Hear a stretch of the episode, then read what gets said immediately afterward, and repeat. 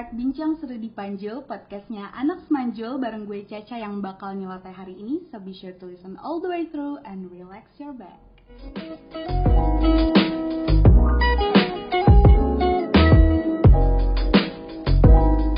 Halo, Hey, what's up darling? apa kabar nih? Kita udah masuk ke pertengahan bulan Ramadan. Betul. Puasa lancar? Alhamdulillah lancar. Semoga kuat ya sampai lebaran nanti ya. Amin. Semoga nggak ada ya belok-belok warteg gitu. Jangan dong. Spesial banget nih buat hari ini kita bakal ngobrolin tentang Kartini karena kita masuk bulan, bulan April yang di mana kita memperingati Hari Kartini. Betul. Dan hari ini kita juga bakal girls talk ya teh. Jadi buat para darling stay tune ya. Iya, jadi mungkin sebelum Girls Talk kita bahas dulu mengenai awal perjuangan Kartini. Awal perjuangan Kartini itu dimulai sejak beliau berusia 12 tahun. Beliau dilarang untuk melanjutkan studinya setelah sebelumnya bersekolah di ILS, di mana ia belajar bahasa Belanda. Nah, dari larangan untuk mengejar cita-citanya bersekolah yang muncul dari keluarganya, serta berita tentang kemajuan wanita-wanita di Eropa inilah yang menyulut hatinya untuk memperjuangkan hak wanita di Indonesia, khususnya dalam bidang pendidikan. Nah, Raden Ajeng Kartini ini adalah sosok yang sangat menginspirasi kaum wanita nggak sih, terutama di Indonesia? Bener banget. Dan untuk memperjuangkan hak haknya, beliau mendirikan sekolah wanita pertama di Indonesia pada tahun 1912 agar perempuan Indonesia mendapatkan pendidikan yang setara dengan laki-laki. Nah, berkat jasanya ini, kita mengenang tanggal 21 April sebagai Hari Kartini. Nah, walaupun Raden Ajeng Kartini atau yang lebih familiar nih kita kenal sebagai Ibu Kartini telah lama tiada, semangat perjuangannya untuk membela kaum perempuan masih menginspirasi hingga saat ini tentunya. Betul. Banyak banget nih sosok wanita cerdas dan pemberani seperti Ibu Kartini yang membuktikan bahwa wanita tidak kalah dengan pria. Bener banget. Nah, ngomong-ngomong tentang hak-hak wanita yang diperjuangkan, menurut lu gimana sih, Dek, hak-hak wanita yang kita perjuangkan ini? Kalau dari gue ya, hak-hak wanita harus diperjuangkan nih. Karena gak cuma sebagai bentuk apresiasi perjuangan Ibu Kartini pada zaman dahulu, kita juga sebagai kaum perempuan sendiri tentunya melihat ke depan ya, agar generasi Kartini di masa depan bisa lebih leluasa dalam berkontribusi, berekspresi, dan memberikan karya kepada bangsa kita ini.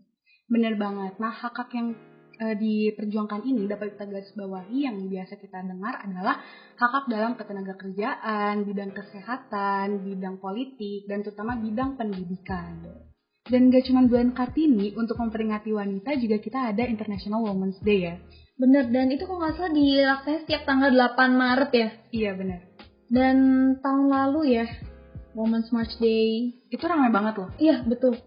Banyak, perempuan. Heeh, dan gak cuma perempuan juga, laki-laki juga ikut gitu. ikut berkontribusi karena emang it- eh, pada hari itu itu kita berkampanye untuk memperjuangkan kesetaraan gender ya. Betul. Dan juga spreading awareness ya, karena di sana itu kita nggak cuma kayak sebagai semata-mata kampanye doang, kita tuh juga banyak bawa-bawa yang poster-poster gitu loh, Mm-mm. teh. Banyak bertuliskan uh, woman equality gitu-gitu. Mm-mm. Pokoknya inspirational banget. Itu tuh kalau nggak salah gue lihat di Twitter ya, itu ada yang rame banget karena ada yang bikin poster tuh tulisannya lucu gitu dan Iya. jadi uh, eventnya event si Meriah. Women's March Day itu nggak kerasa terlalu kaku banget dan terlalu berpaku kepada apa memperjuangkan equality tuh jadi rada chill gitu vibe Iya, Jadi bener. kita juga sambil bisa ya kenalan gitu kan sana. Gitu. Bener banget. Dan eh, Women's March kemarin itu menyuarakan eh, ini ya equality yang Betul. kayak lu bilang tadi.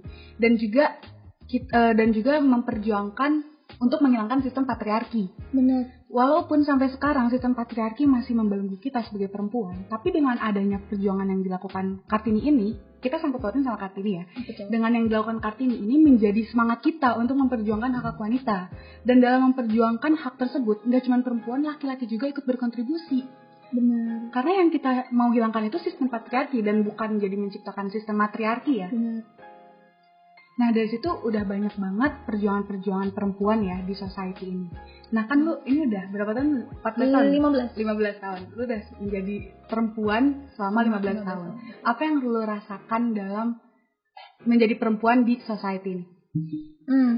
15 tahun hidup sebagai perempuan di society itu rasanya gimana ya satu hal gue lagi eh lagi apa namanya jadi lebih aware gitu Hmm. jadi ke mana-mana rasanya nggak bisa gue rasanya kayak feel free Hmm. lepas pasti ada aja satu hal yang gue tuh mikir kayak aduh takut ini aduh takut itu dan itu tuh biasanya pasti para darlings itu tuh udah nggak asing banget sama hal ini ya sexual harassment Iya. itu banyak banget terjadi di publik dan itu terjadinya bukan kepada beberapa wanita tapi udah banyak banget dan tanpa kita sadari itu tuh di kehidupan sehari-hari kita pasti pernah gitu terjadi Iya. misal kayak di catcall tahu nggak sih darling catcall tuh apa catcall tuh eh ini gue nggak bisa ngasih definisinya tapi contoh aja misalnya kayak lu lagi jalan Disiul-siul lu gitu lagi ya, jalan di digodain. pinggir jalan kayak disiul-siul terus kayak cute cantik kayak gitu kayak gue tau gue emang cantik tapi nggak usah digituin itu jatuh jatuhnya malah Iya, iya.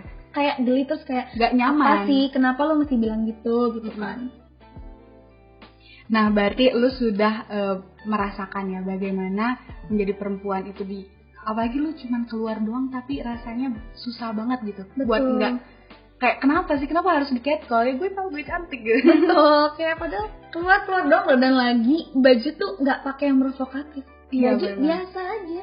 Kayak Gitu. kenapa ya? Kenapa orang-orang tuh masih suka banget gitu sama catcall padahal itu sangat-sangat tidak eh, bikin kita tuh nyaman gitu. Itu bukan sebuah compliments gitu ya. Betul kalau mending kalau komplimen gitu tuh kayak nyamperin kayak eh Iya, lo eh, sorry, cakep gitu. gitu. kayak sorry lo cakep kok kata gue gitu tapi kalau itu malah kayak cium cewek cantik gitu kan kayak nggak respectful juga ya Betul dan jatuhnya ya ya itu tadi bikin gak nyaman. Nah kan udah dari sudut pandang gue nih teh eh, bagaimana menjadi perempuan di society. Nah kalau misalnya dari teteh tuh gimana sih? Hmm, kalau dari gue sendiri sama ya, karena ya kayak tadi lu bilang, hampir semua perempuan ini pasti merasakan yang namanya di catcall, gitu apa sexual harassment segala macam. Tapi yang paling menurut gue yang biasa banget gue rasakan adalah pulang malam.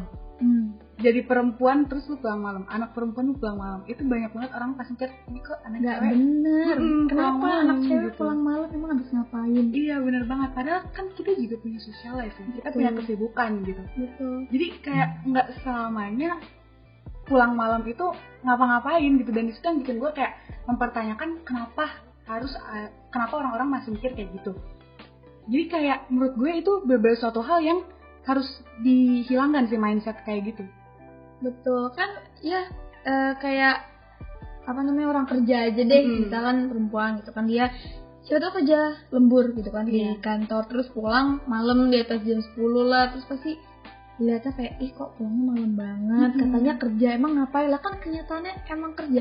Kan kita tuh nggak tahu kita tuh nggak boleh sembarang asumsi gitu Iya. kayak ini si A nggak bener ini si B nggak bener pulang malam nggak bisa gitu. Karena Iya. kita nggak tahu. Kecuali ya kita kenal kita, kita tahu emang dia orangnya kayak apa. Cuma kan walaupun kalau kenal juga nggak ada hak Iya, nggak boleh. atau berasumsi yang jelek ya. Dan kita nggak tahu siapa tahu orang yang bekerja itu perempuan yang bekerja itu kepala rumah tangga kan betul. kita nggak tahu ya. Jadi menurut gue asumsi-asumsi seperti itu yang harus dihilangkan. Dan Iya. itu struggle ya salah satu struggle juga ya. Benar melawan stigma masyarakat lah ya. Kalau tadi kan lu udah bilang nih em, mengenai pelecehan seksual. Lu ada nggak self defense mungkin darlings bisa eh, take note nih. Oh iya. Ini please eh, apa namanya jangan langsung ke tips deh. Gue nyeritain pengalaman aja Oke, deh ya oke. waktu itu. Jadi waktu itu gue pernah abis pulang les pas kapan ya? SMP kayaknya. Nah, itu tuh gue dijemput di depan mall kan sama nyokap katanya kak kamu tunggu depan mall aja gitu. Terus kata gue ya udah. Gue jalan dari tempat bibelnya ke depan mall itu aja kan jalan gitu. Nah gue tahu di situ emang uh, ada satu kayak pos ronda kali ya. Nah itu tuh buat tempat tongkrongan cowok. Nah Hmm. kebetulan pas gue lewat situ lagi banyak yang nongkrong situ. Terus gue pas jalan dari jauh udah lihat mereka di situ udah kayak hmm, kenapa? Nih ini pasti gue nggak bakal lewat mereka diem aja iya. gitu. Walaupun ya gue cuma pakai seragam SMP gimana sih? Menariknya di mana gitu kan.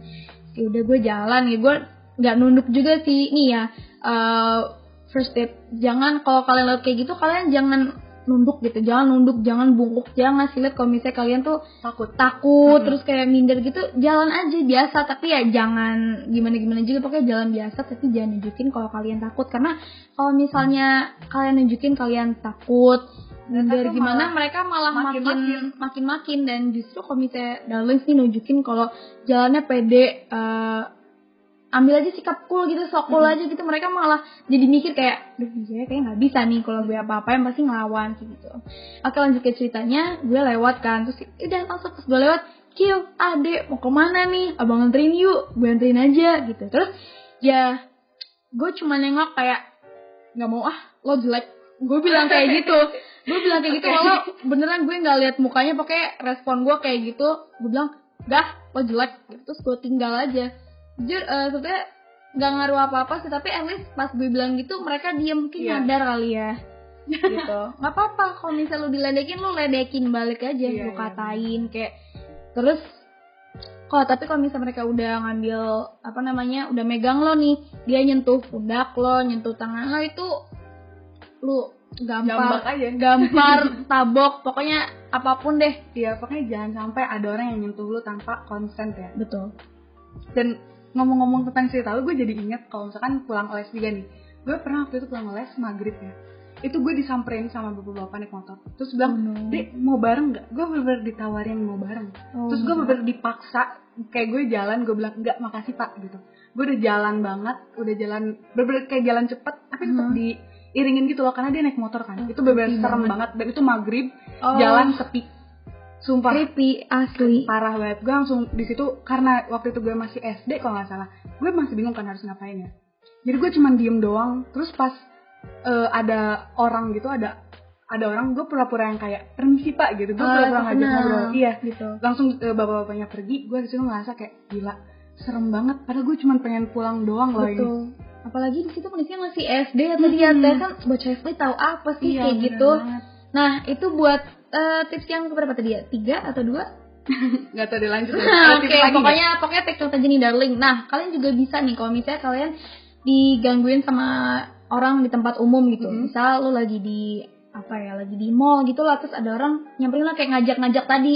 Terus kalau misalnya lu lihat ada orang lain lu pura- pura-pura sokap aja sama Iya. mereka kayak eh si A misal eh Bella udah lama gak ketemu ke ini yuk gue gue dari tadi udah nungguin nih pura-pura aja kayak gitu. Dan thankfully kalau misalnya stranger yang kalian ajak kayak gitu mereka kooperatif dan mereka ngerti sikon lu tuh lagi gimana itu mereka biasanya langsung go on with the flow aja kayak oh iya ayo gitu. Karena udah banyak juga orang yang aware dengan cara kayak gitu pura-pura sokap aja. Dan jujur itu helpful sih. Ya walaupun lu mesti kayak aduh malu nih masa gue sokap sama orang tapi nggak apa-apa. Demi safety lo sendiri itu nggak apa-apa. Setuju setuju karena kayak bener-bener seserem itu ya benar nah kira-kira ada tips lagi nggak dari lo nih Ah, tips dari gue ya, eh gue tuh diajarin sama bokap apa ya? Diajarin gini. Ini tapi bukan dalam artian yang buruk ya. Kalau digangguin aja, kalau bisa tonjok, tonjok gitu. Terus ya gue juga diajarin self defense gitu. Karena kan bokap tuh seneng banget ya self defense. All kind of self defense itu sama dia tuh dimasterin. Taekwondo, Hmm. yongmudo, karate, silat, macem-macem. Dan Doi itu juga pengen gue tuh uh, at least mastering satu lah. Cuman ya sadly gue anaknya rada males. Jadi ya gue cuman diajarin trik-trik aja gitu. Dan buat para darlings nih uh, boleh belajar self defense juga ini nggak diharuskan ya dan nggak apa namanya tapi buat pegangan sih Iya, dan kalau misalkan emang nggak bisa self defense, bawalah barang-barang yang bisa eh, buat apa namanya Self jaga-jaga tuh. betul Ha-ha. misal pulpen gitu dan atau udah banyak banget nih, pasti darling tahu kayak cuka, semprot cuka. ah betul Iya. terus uh, itu pepper spray Iya, pepper spray. Nah, itu pepper spray terus kalau ya? misalnya darling lihat nih ya di ya cuma di TikTok sih eh, di tempat-tempat di Instagram kali ya itu tuh mereka udah jual alat-alat self defense gitu Mm-mm. loh Jadi udah banyak juga ya, udah beredar. Jadi kita bisa lebih lebih apa namanya jadi kita lebih aware lah. Jadi lebih safety gitu Hmm. rasanya kalau misalnya kita bawa itu. Dan itu tuh bentukannya bukan yang serem-serem gitu. Bukan semata-mata pisau semata-mata semprotan. Bukan itu tuh bentuknya iya. kayak kalau darling tahu kayak gantungan. Terus dia itu banyak alatnya. Ada pemecah kaca ada pepper spray terus ada taser gun. Kalau tahu yang bisa Iya. nyetrum itu kayak gitu. Emang Itu- kelihatannya bukan seperti senjata berbahaya gitu. betul. Tapi kelihatannya kayak perintilan gimana sih gantungan. Cuman ternyata itu tuh alat-alat yang helpful banget Nah, itu adalah salah satu dari sekian banyaknya struggle menjadi perempuan di masa modern sekarang ini ada. Betul. Kalau kita ngulik lagi nih, apalagi di zaman sekarang aja kita udah banyak banget kesulitan gitu menjadi perempuan. Apalagi kalau di zaman Kartini, banyaknya diskriminasi, Betul. perbudakan, dan juga sulit banget untuk mengenyam pendidikan. Bener. Kalau di zaman dulu tuh bener-bener kita role-nya tuh ya udah istilahnya bisa dibilang kalau di dapur udah di dapur aja. Iya, dan Hmm. banyak kasta ya. Heeh. Perbedaan Jadi bener-bener beda banget lah. Eh kalau ngomongin zaman sekarang juga masih ada gitu ya perbedaan. Cuma kalau zaman dulu tuh bener-bener Kolot visible banget, Mm-mm. kolot banget lah istilahnya. Nah, kita nggak cuma berdua aja nih di sini, kita juga mengundang dua rekan kita nih, kebetulan laki-laki ya, untuk Oke. berbagi perspektif mereka gitu tentang topik kita hari ini. Langsung say hi aja kali ya. Ya, dipersilahkan aja nih buat teman kita yang kebetulan laki-laki. Halo. Halo darling. Kenalan dulu dong. Ada siapa aja nih di sini? Nama gua Damar. Nah, Nama gue Axel. Oke, tadi kan kalian udah dengar dong mengenai struggle-struggle struggle-struggle kita sebagai perempuan. Nah, menurut kalian apa nih perspektif atau point of view dari kalian? Damar dulu deh. Kalau menurut gua sih eh, emang ada sih dengan tadi yang yang sudah dibilangin tadi.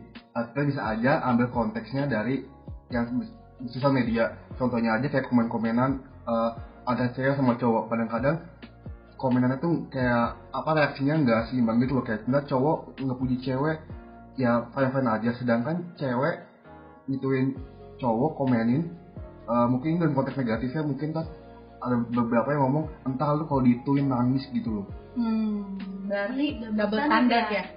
Oke. Kalau menurut lu gimana nih, Sam? Kalau menurut gue sih sama yang kata Damar ya. Gue jujur gue juga miris gitu sama apa yang terjadi. Kayak cewek-cewek merasa secure banget. Bahkan cuman kalau misalnya pergi ke warung gitu. Mereka sampai mikir dua kali kalau misalnya ketemu segerombolan orang di depan warung gitu.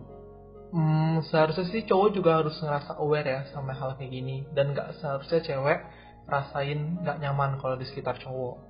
Hmm, benar banget. Berarti emang harus ada dari kedua belah pihak ya. Hmm. Sama-sama respectful aja iya, gitu. bener banget. Oke, tadi kan kita udah denger nih perspektif AAA terkait topik kali ini. Nah, eh, gue pengen tahu dong gimana sih tipsnya nih biar eh, cewek itu ngerasa less afraid gitu. Jadi apa namanya merasa lebih nyaman dan gak takut itu kayak yang dibilang Axel tadi.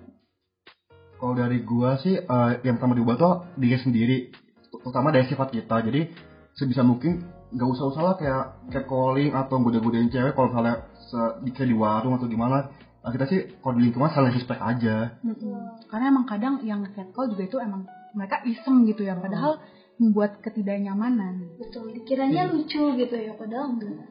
Hmm, bener banget.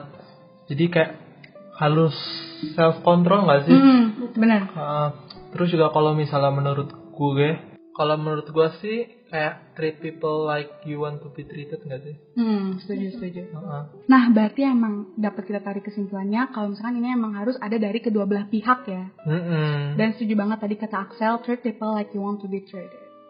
Udah cukup banget nih waktunya. Terima kasih banyak atas waktu dan kesempatannya Axel Damar. Iya, sama-sama. Semoga nanti di next episode atau di kesempatan lain kita bisa ngobrol-ngobrol lagi ya. Yo yo, ya atur aja. Alright then darlings, thank you so much for listening. That's it for today and we'll see you on the next episode only on Spotify. Bye! Bye.